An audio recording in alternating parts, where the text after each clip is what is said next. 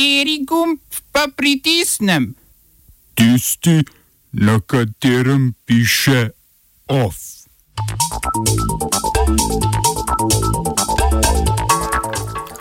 V Ugandi protesti zaradi aretacije opozicijskega predsedniškega kandidata.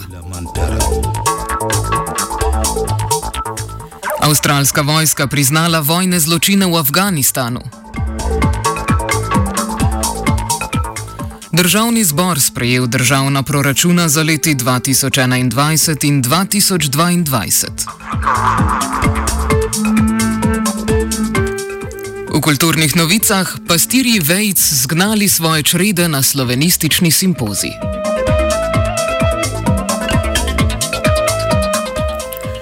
Štiriletna preiskava generalnega inšpektorja avstralskih oboroženih sil je pokazala, da so posebne enote avstralske vojske odgovorne za uboj 39 neoboroženih afganistanskih civilistov. Na podlagi poročila naj bi se sprožili kazenski postopki zopr 19 posameznikov. Domnevne vojne zločine bo preučil posebni avstralski tožilec, s čimer želi država preprečiti mednarodnemu kazenskemu sodišču, da bi začelo svojo preiskavo.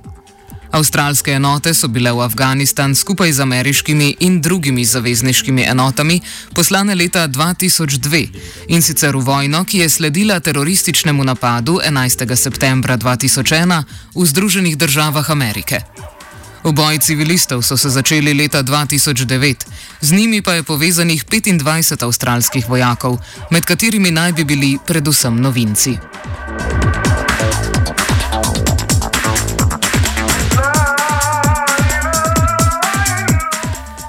Disciplinski senat Polskega vrhovnega sodišča je oduzel imuniteto sodniku Igorju Tuleji, kritiku pravosodne reforme na Polskem, s čimer se bo lahko začel sodni pregon sodnika. Državno tožilstvo, ki je zahtevalo oduzem imunitete, odločitev utemeljuje s tem, da je sodnik prekoračil svoje pristojnosti in razkril zaupne podatke, ko je na razglasitev sodbe, ki ni bila pogodu vladajoči stranki Zakon in pravičnost, dovolil dostop predstavnikom medijev. Sodnikom je sicer omogočeno, da medijem dovolijo spremljanje sodnih postopkov. Pravosodna reforma pred dvema letoma je starost, pri kateri se morajo upokojiti vrhovni sodniki, znižala z 70 na 65 let. Posledično se je bilo takrat prisiljenih upokojiti več kot 20 sodnikov. Nova zakonodaja je upeljala tudi novosti glede postavljanja sodnikov. Vrhovne sodnike od takrat naprej postavlja sodni svet, ki ga imenuje parlament.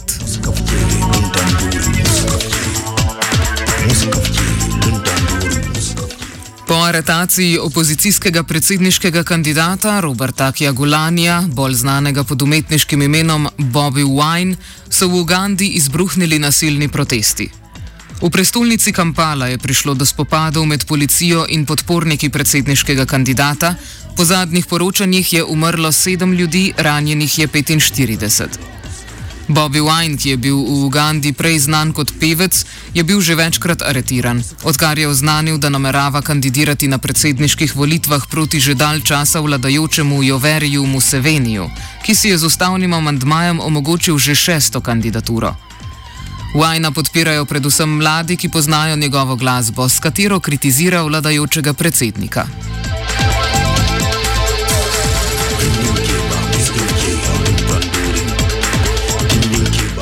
Več tisoč ljudi je protestiralo tudi v Berlinu. Protestniki so s ponvami in piščalkami izkazovali svoje nasprotovanje zaprtju države zaradi novega koronavirusa in spremembam zakona, ki ga je predlagala kanclerka Angela Merkel, s katerimi bo vlada lažje sprejemala ukrepe za omejitev širjenja epidemije. Posodobljen zakon, ki je bil sprejet v obeh domovih parlamenta, omogoča vladi, da sprejme omejitve glede socialnih kontaktov, nošenja mask in pitja alkohola v javnosti, ter da odloča o zapiranju trgovin in prepovedi športnih dogodkov.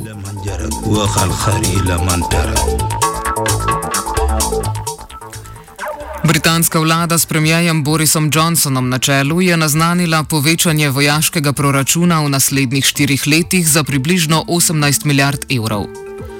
Britanska vojska tolikšnega financiranja ni prejela že vse od vlade Margaret Thatcher. Sredstva pa naj bi bila namenjena predvsem vesoljskemu programu in projektom za internetno varnost, še posebej na področju umetne inteligence. To naj bi, po besedah vlade, zagotovilo do 40 tisoč novih delovnih mest. Johnson je potem, ko vlada ni podprla dodatnega financiranja za brezplačne šolske obroke med epidemijo, poleg tega pa zmanjšala porabo za pomoč tujini, svojo odločitev utemeljil s tem, da je kljub epidemiji obrambni sektor kraljestva na prvem mestu. Premijer je k temu še dodal, da mora Velika Britanija ohraniti svoj zgodovinski vojaški sloves in pokazati, da Združeno kraljestvo kljub brexitu ostaja pomembna vojaška sila. Uh, oba, če, če bom odgovoril na angliški. Uh, uh, Slovenija bo poskušala pomagati. Slovenija bo naredila naš utmost, da bo rekla, da je situacija naš problem, naš self. In bomo naredili nadaljnje korake, as soon as the conditions are. Bomo vlado Marjana Cererera Šarca podprli. Very, very serious. News from Slovenia. We know how and we will.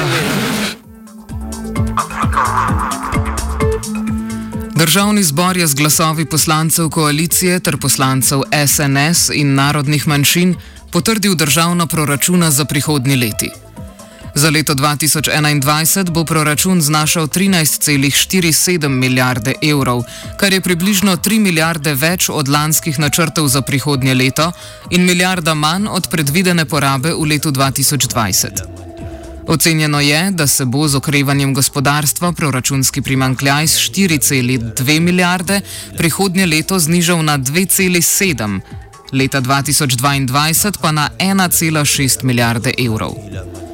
Proračuna sta usmerjena predvsem v investicije, za obe leti pa sta za zdravstvo, socialo, okolje in prometno infrastrukturo predvideni 2 milijardi evrov. Pri povečanih investicijah bom do pomembno vlogo igrala evropska sredstva.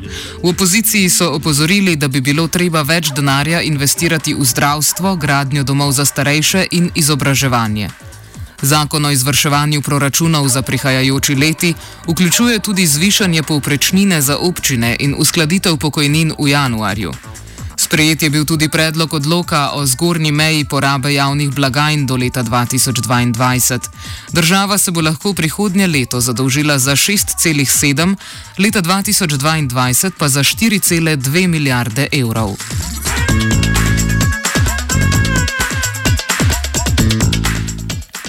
V duhu napovedanih investicij v prometno infrastrukturo se je premijer Janez Janša včeraj sestal z ljubljanskim županom Zoranom Jankovičem, predsednikom upravnega odbora družbe BTC Jožetom Mermalom in predsednikom uprave Zlatarne celje Bojanom Albrehtom. Sestanku sta prisostvovala tudi gospodarski minister Zdravko Počivalšek in minister za infrastrukturo Jrnej Vrtovec.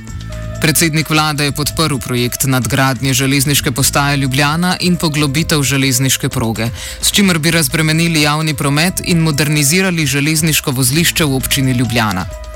Vrednost projekta, ki je bil načrtovan že pred desetimi leti, je ocenjena na nekaj manj kot 110 milijonov evrov, ki bodo financirani iz državnega proračuna in z nepovratnimi sredstvi iz instrumenta za povezovanje Evrope.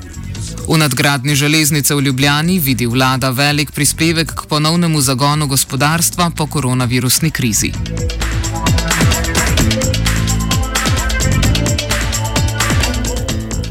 OF je pripravila Aida.